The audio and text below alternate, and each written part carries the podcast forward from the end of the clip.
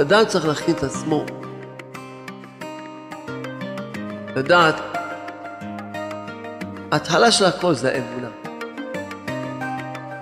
זאת אומרת, אתה מאמין, נראה אותך שיש לך ניסיון. משהו לא הולך לא כמו שאתה. לא כמו שאתה תכננת. רק משהו קטן. אז נראה אם אתה באמת בעל אמונה, אתה אומר, ככה השם רוצה. תודה רבה לך השם. שמח. המודד, למדוד אמונה, זה רק בייסורים שעוברים עליו. מהקטנים עד הגדולים, כל שכן הגדולים. מהייסורים הכי קטנים. נראה אותך.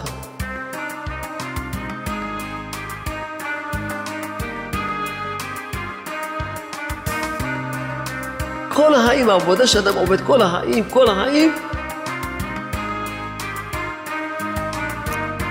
זה איך הוא יגיע לאמונה שכשמגיע לו איזה מרור, הוא יברך ברוך אתה השם אלוקינו בכל העם, אשר כתוב, כשהשם צנוע על אכילת מרור. כל החיים. ותזכור, כשתעמוד בניסיון, אתה תזכה אחר כך למעלות עצומות.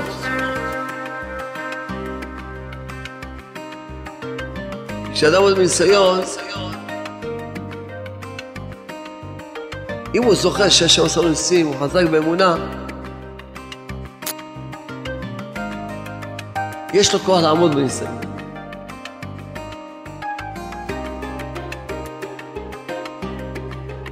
אבל אם הוא שוכח, רק רואה רק את הניסיון, והוא שוכח כאילו הכל, כאילו הכל חושך, אז הוא לא יכול לעמוד בניסיון. אחת ההכנות הגדולות, העצומות ביותר, שאדם יעמוד בניסיונות שעוברים עליו בחיים, שהוא לומד ללכת עם תודה.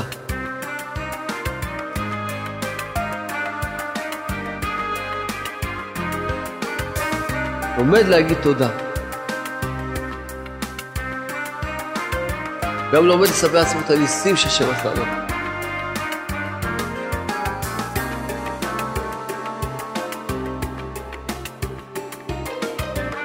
להזכיר לעצמו את הניסים שבורא העולם עשה לו.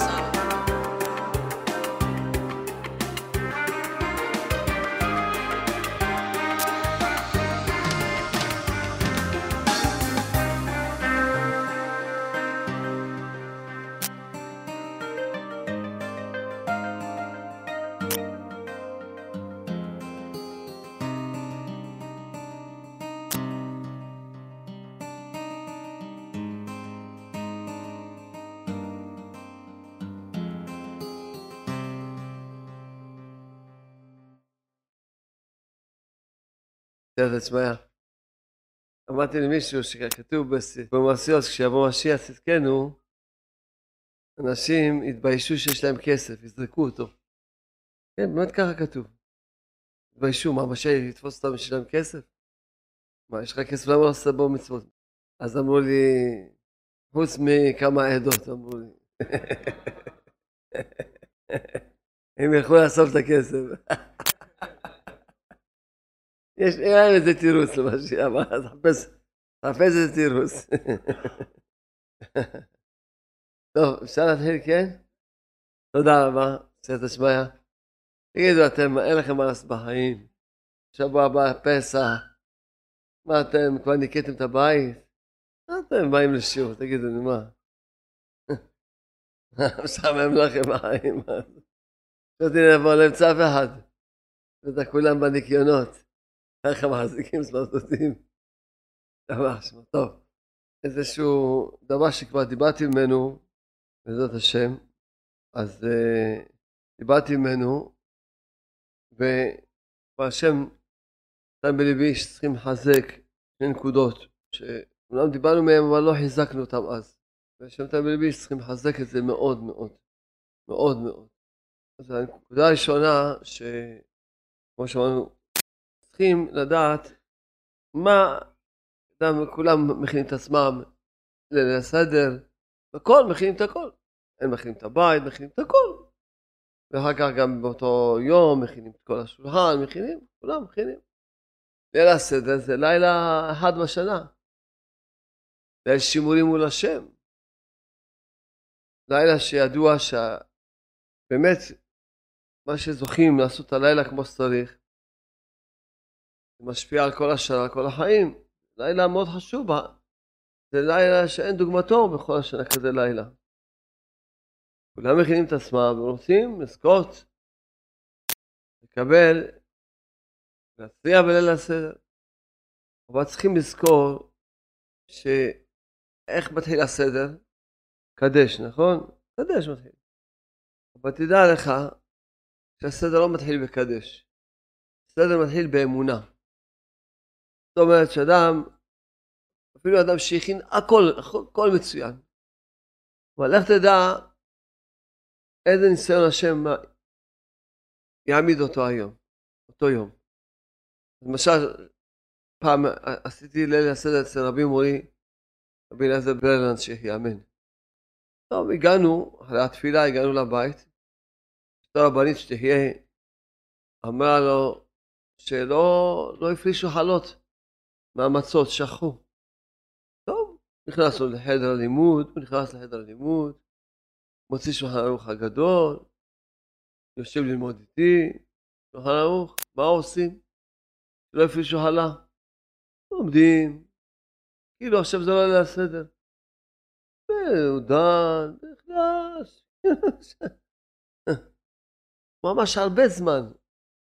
איזה שלב, קם, וכתוב בהלכה שמשאירים איזה מצה שממנה הפרישו חלה, שמים אותה בצד, טוב, התחלנו את הסדר. ואז הבנתי. הבנתי מה הוא עשה. העץ עלה, ציפה, אמר עכשיו, הרב יבוא, ישמע שלא הפרישו חלה מהמצה, תעצבן, מה? איזה חוסר אחריות פה, איך שכחתם דבר כזה? יצא ציפה לעשות שם בלאגן, לעשות אי סדר כמו שאומרים. במקום ליל הסדר, אי סדר. הרב אמר לו, תשמע, אתה באת לעצבן אותי, אני עכשיו אעצבן אותך, איזה עצבים. אעצבן אותך כזה עצבים. ישב ללמוד, כאילו עכשיו אין ליל הסדר. ככה הבנתי. באמת השם זיכה אותי שנתן בי את הדעת הזאת, את האמונה הזאת, להבין שהסדר לא מתחיל מקדש, מתחיל מאמונה. פעם אירחנו אצלנו משפחה של ממש עוד לא שומעים תורה ומצוות, שאירחנו אותם שיבואו לעשות אצלנו ליל סדר.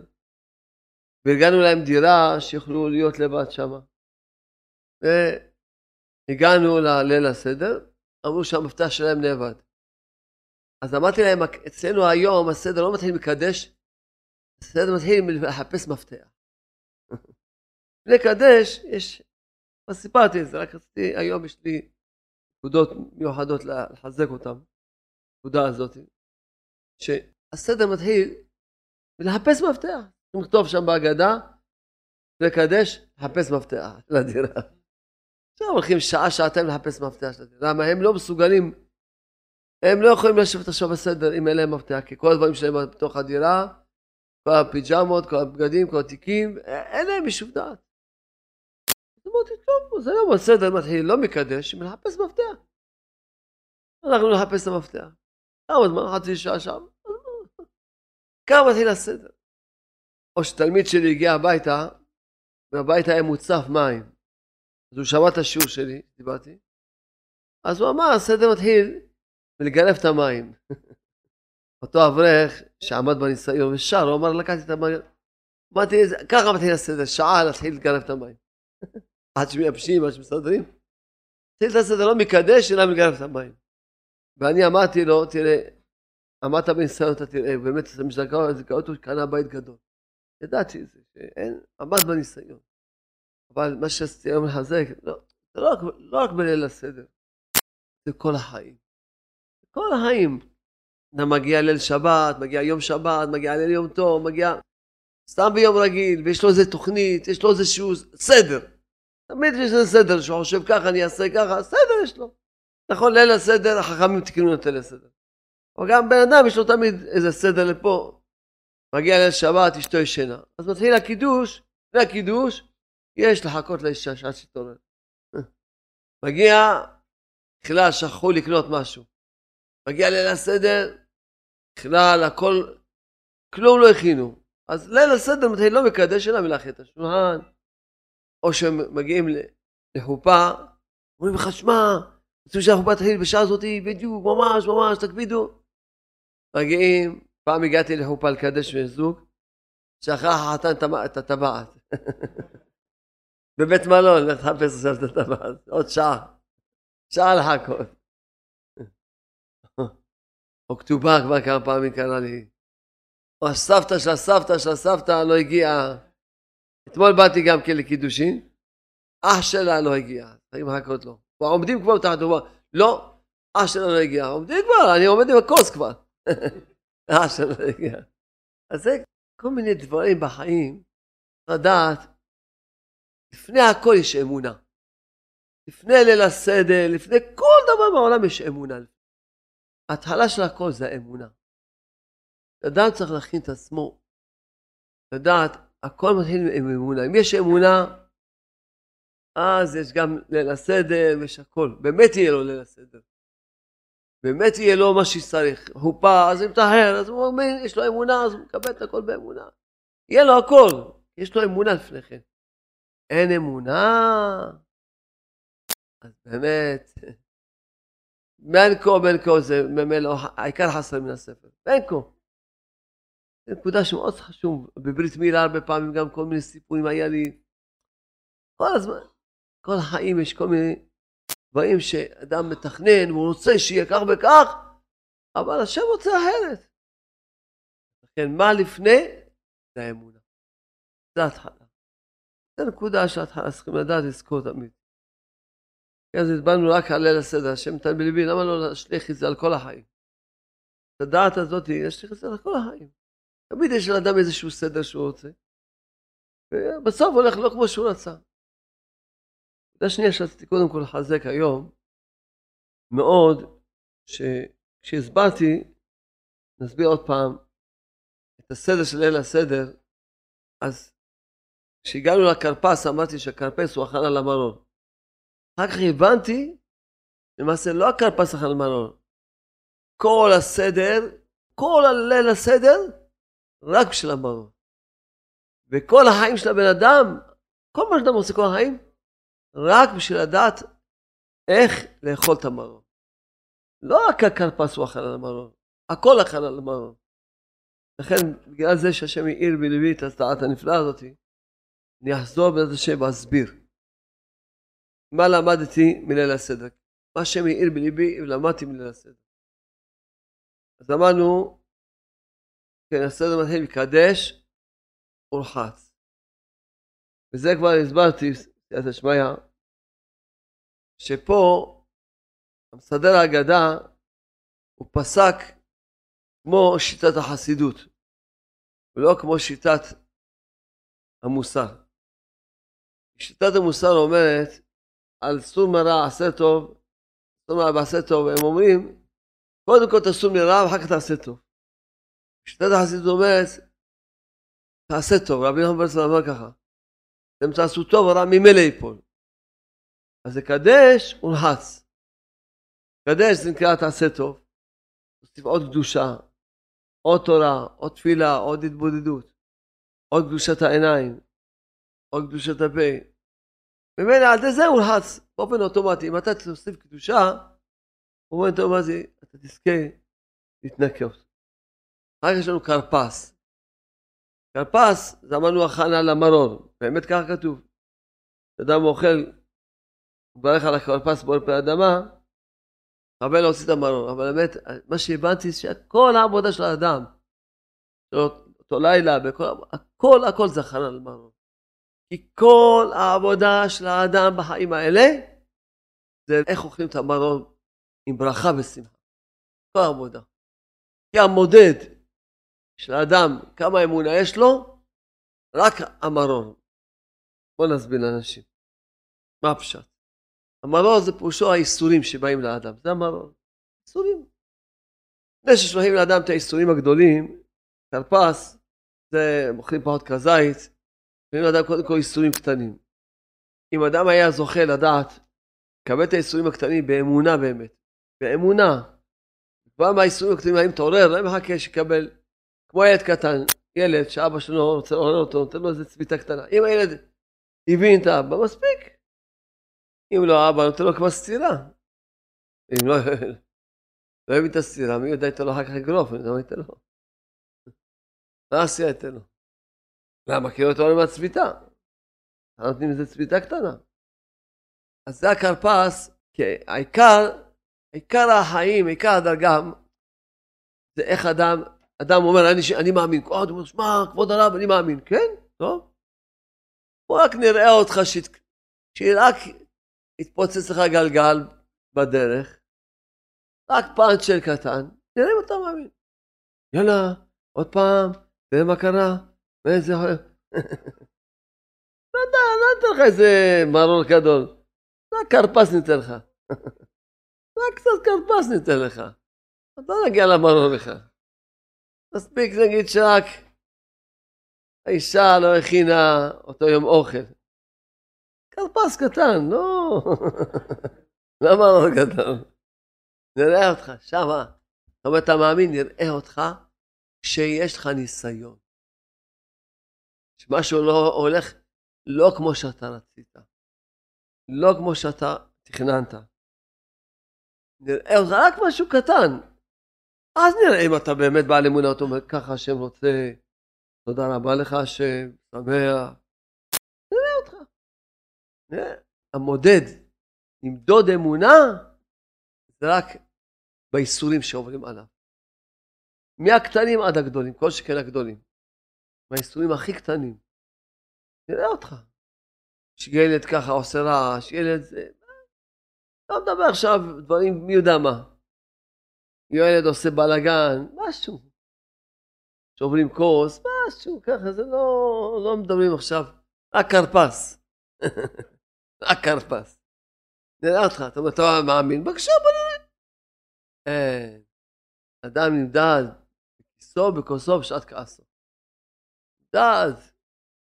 הוא נזכרת על כיסו. כיסו, עד הכיס. תיגע לו בשקל, הוא איזה... כולו נהיה עצבים. אה, הגעת לו בשקל.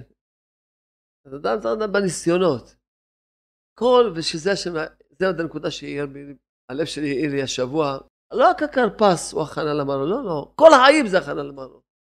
כל החיים, העבודה שאדם עובד כל החיים, כל החיים, זה איך הוא יגיע לאמונה שכשמגיע לו איזה מרור, הוא יברך ברוך אתה השם אלוקינו בכל העם, אשר כתוב, כשהשם מצוותיו ציוונו על אכילת מרור. כל החיים. כל החיים. פה אתה צריך לעבור דירה, פה, זה הכל כרפס. עוד לא הגענו למרור, כי מרור השם שמונו, שלא פעם לא יהיה לו מרור. כל זה כרפס הכל. לעבור דירה, זה, הכל כרפס.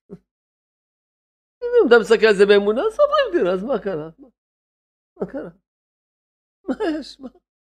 סוף העולם? אז סוחבים קצת וזה, זה הכל כרפס, כמו שבאים אליי אנשים, מספרים לי כל מיני סיפורים, אני אומר, אני אומר להם, הלוואי שעם ישראל זה ה-20 שלהם, כמו שיש לך. שומעים כאלה צרות, כאלה מחלות, כאלה בעיות. אז שונא ישראל, מה, מה, מה זה עכשיו אתה עכשיו בא עם, קר, עם הכרפס שלך, אתה בא להתלונן? ברוך השם, הלוואי שזה זה מה שיש לעם ישראל, איזה צרות יש אצל אנשים, איזה מרון אוכלים. מה אתה עכשיו מתלונן? על מה? על מה? תגיד לי על מה? אז זה, זה נקודה שהשם העיר בלבי. הנקודה הזאת, לדעת שכל העבודה של האדם זה לדעת להכין את עצמו, שיגיע לו איזשהו איסורים כלשהם, קטנים או גדולים, שידע לקבל אותם באמונה. ואחת הנקודות שמאוד חיזקו אותי כשעבדתי על עצמי בנקודה הזאת, שתמיד אמרתי לעצמי, שלום, אתה עובד את השם, נכון? עובד את השם. אז אמנם אתה רוצה לעבוד את השם בלימוד תורה, בתפילה, בהתבודדות, אבל לפעמים השם כבר רוצה שתעבוד אותו, לקבל את האיסורים באהבה. נכון, שזה, אפילו שיש לך ביטוי לימוד, אתה לא יכול ללמוד באותו זמן, לא יכול להתפלל באותו זמן, לא יכול, יש לך ביטול. אבל זה עבודת השם של שלך, קבל את זה באמונה. תגיד תודה. עבודת השם שלך, אתה אומר תודה על האיסורים. זה עבודת השם שלך עכשיו. זה אחת נקודות שהרבה אנשים, בגלל שלא יודעים אותם, נופלים. כי אדם אומר, מוכן לקבל איסורים, אבל שעכשיו מבטל אותו מלימוד תורה, מעבודת השם, הוא כבר נשבר. לא, לא מבטל אותך, זה עבודת השם שלך. לקבל באמונה את האיסורים. זו נקודה מאוד, נקודה ש, שמאוד חשוב לקלוט אותה ולהבין אותה.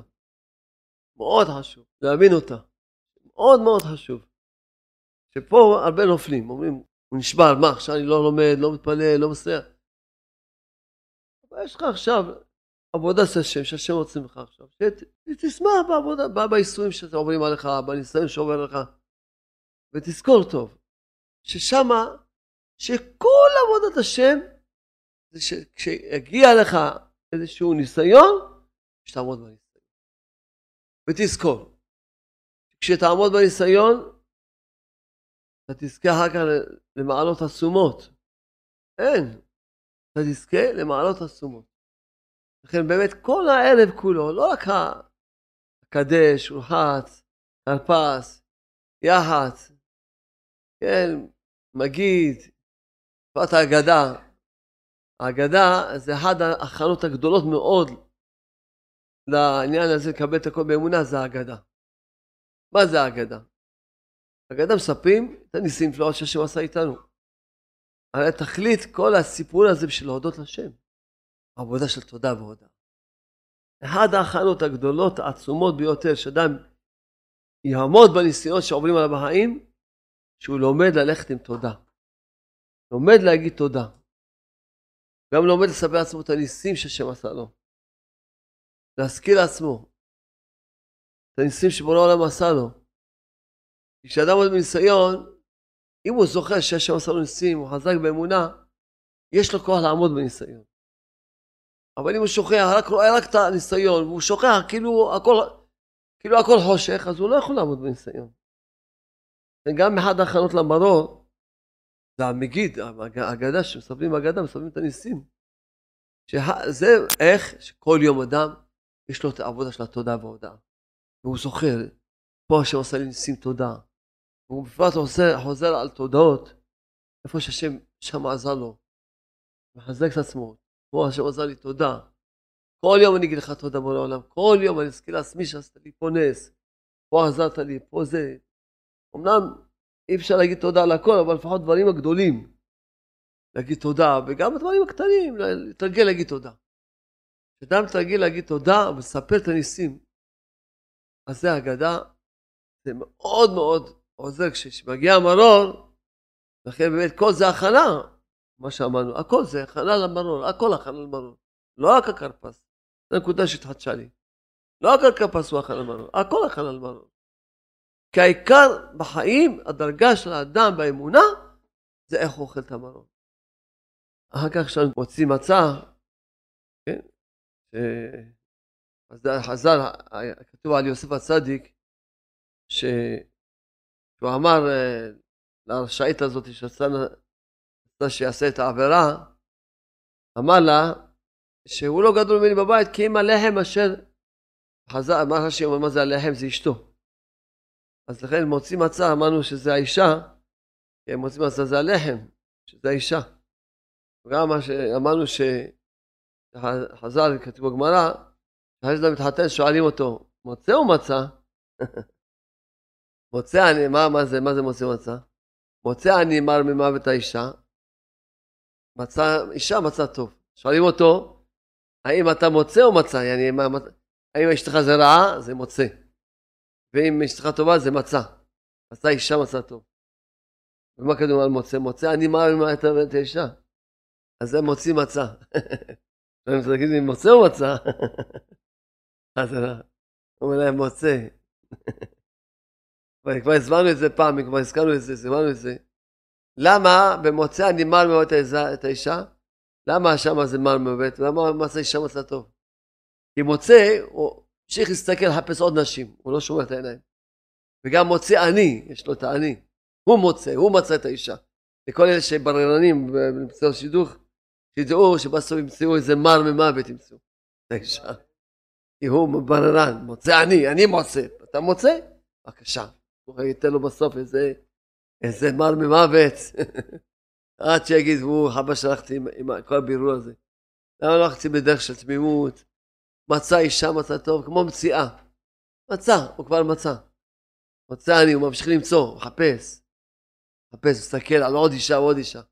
מי שלא שומר את העיניים, אף פעם לא יהיה לו שלום בית. תמיד מה בבית האישה?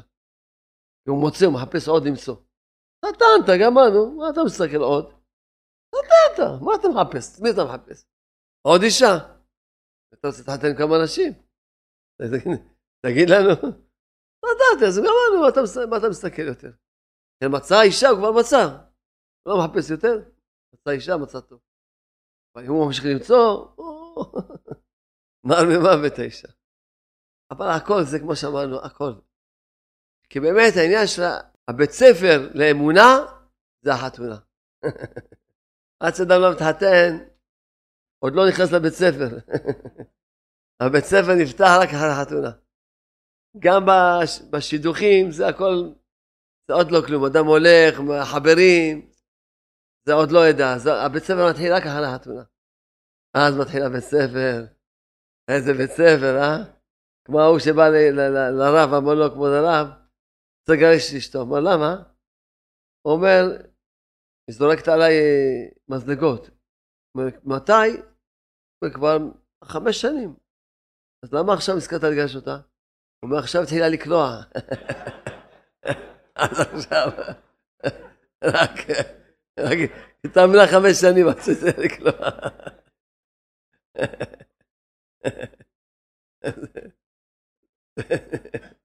הבית ספר לאמונה זה החתונה.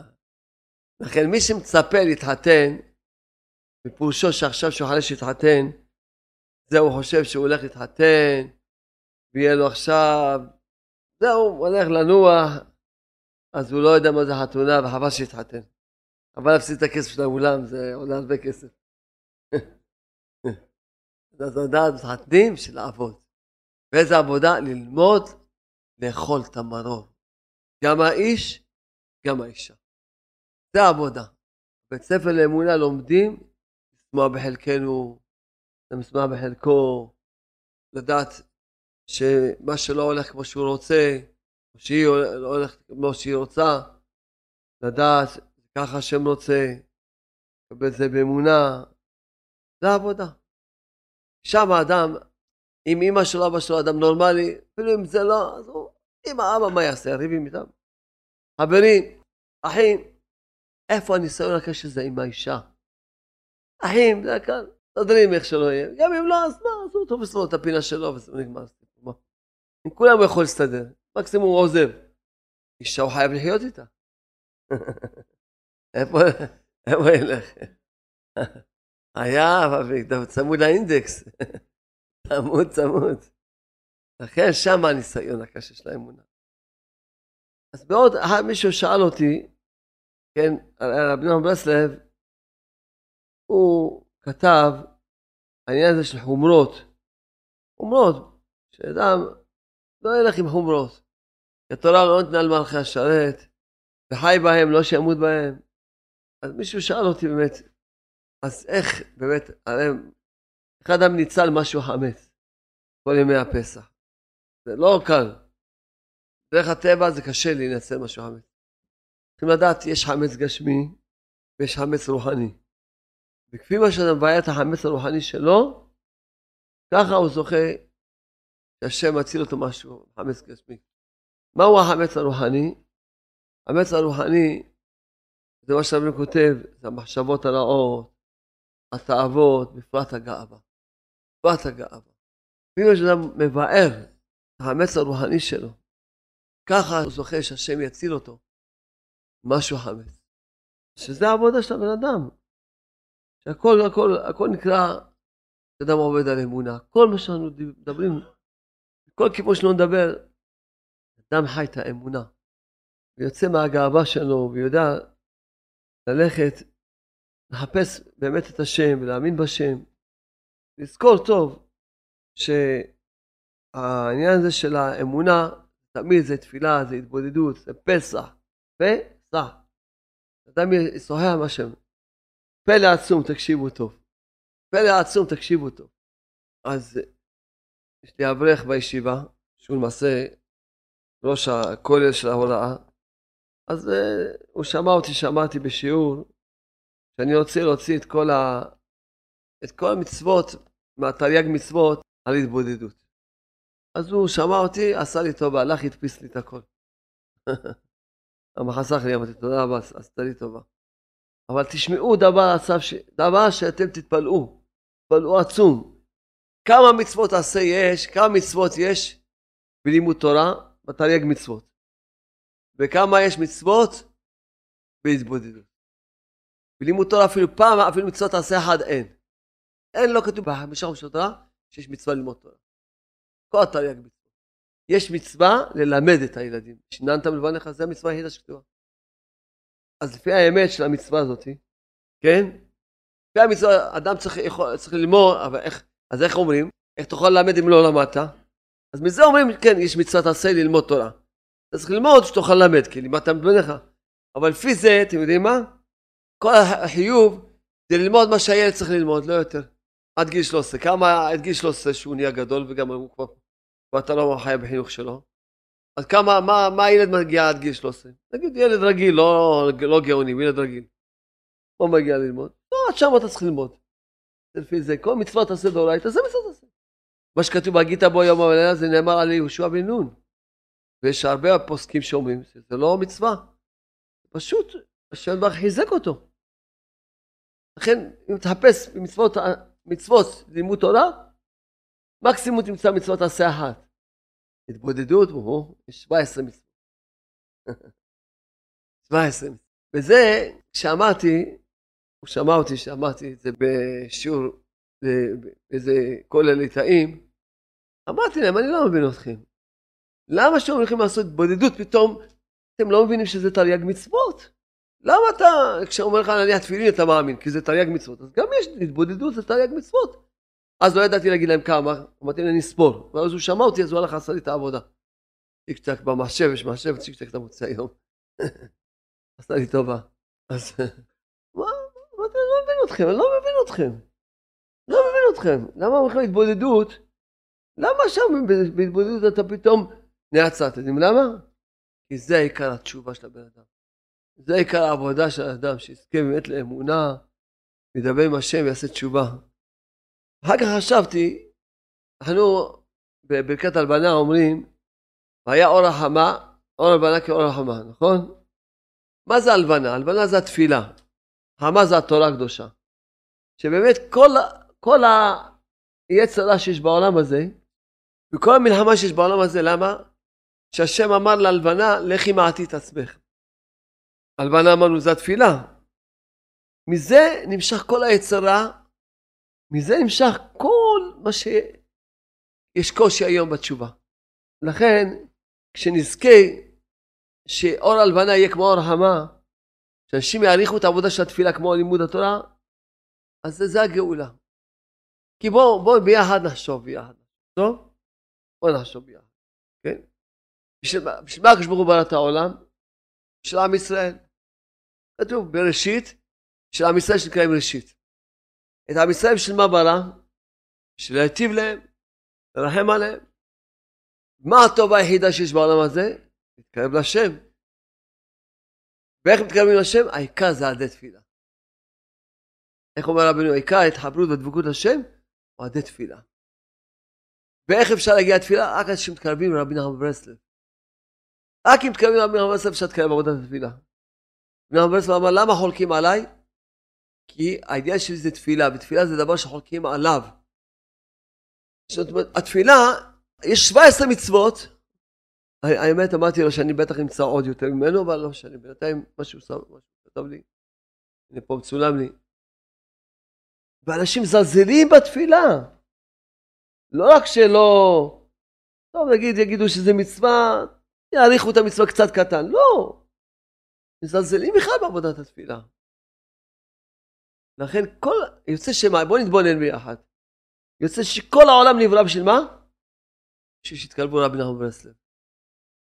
עוד פעם נחזור. זה הסיכום. למה נברא העולם? בשביל עם ישראל. עם ישראל למה בראו? בשביל להיטיב להם. הטובה היחידה שיש בעולם הזה להתקרב לשם. העיקר, ואי אפשר להתקרב לשם בלי תפילה, אי אפשר. אי אפשר. אי אפשר להתקרב לשם בלי התפילה, אי אפשר. אתה יכול ללמוד, ללמוד תורה מיום, מיומם בלילה. לא תגיע לעבודת התפילה, לא תתקרב לשם. זה, לא, זה גברות מפורשות. אם יהיה זמן אני יכול להגיד לך גברות מפורשות ובהלכות מפורשות. אי אפשר להתקרב לשם בעבודת תפילה. ואי אפשר להתקרב לתפילה בלי להתקרב לרבי נחמן ברסלב. ויוצא שכל העולם נברא בשביל שיתקרבו לרבי נחמן ברסלב. זה רבי נחמן ברסלב אמר אין ביני למשיח שום דבר. לא, אומר אני ומשיח אין לנו שום הבדל. רק למשיח ישמעו, לי לא שומעים. רבי נחמן ברסלב אמר כשיבוא משיח כמו שכל אחד מניח תפילין כל אחד יעשה שעה התבודדות. אבל אז יתבטל הבחירה. כולם יעשו התבודדות. כולם יתקרבו לעבודת התפילה. משיח מלשון מסיע, שהוא ילמד את העבודה של התפילה. מלשון מסיע, שהוא ילמד את כל עבודת התפילה. ילמד את כל עם ישראל איך להתפלל. אז תקשיבו טוב. לכן, תבינו טוב למה העולם נמצא בגלות. כי העולם רחוקים מעבודת התפילה. כולל כולם פה, אף אחד פה לא חושב שהוא כבר קרוב לעבודת התפילה. עבודת התפילה זה גם שלושת התפילות, להתפלל אותן בכוונה, וגם שעה התבודדות, וגם לקרותי תפילות, וגם תהילים, וגם תיקון הכללי. זה עבודת התפילה. ברוך השם. אז לכן, לכן באמת, על זה צריכים להתפלל על עם ישראל. בראש העולם, בראת את כל העולם, תתקרבו לעבודת התפילה. רחם על עם ישראל, מסכנים שיתקרבו לעבודת התפילה. כל, שלא יהיה, שכל איש ואישה, שכל בחור בחורה, כל נער ונערה, כולם יהיה להם כל יום לפחות שעה אחת התבודדות. לעם ישראל, כל העם יזכו. בשביל זה נברא כל העולם, רק בשביל זה. נברא כל העולם בשביל זה. ואז יהיה, כשיהיה אור החמה, הלבנה כאור החמה, שכולם יחריכו את התפילה, שזה הלבנה, כמו החמה, זהו. זה, זה, זה הגאולה, אז הגיע הזמן, זהו, זה אז נהיה הגאולה. כבר יאריכו את התפילה, יאריכו את התפילה. לא מאריכים את התפילה. זלזלים בתפילה. ממש יש... אה, הרי התפילה זה כולל כמה וכמה דברים. יש תודה, יש וידוי, יש מצוות וידוי על החטא. נצטווינו להתוודות לפני השם על כל החטאים שחטאנו בעצם נתנחם עליהם.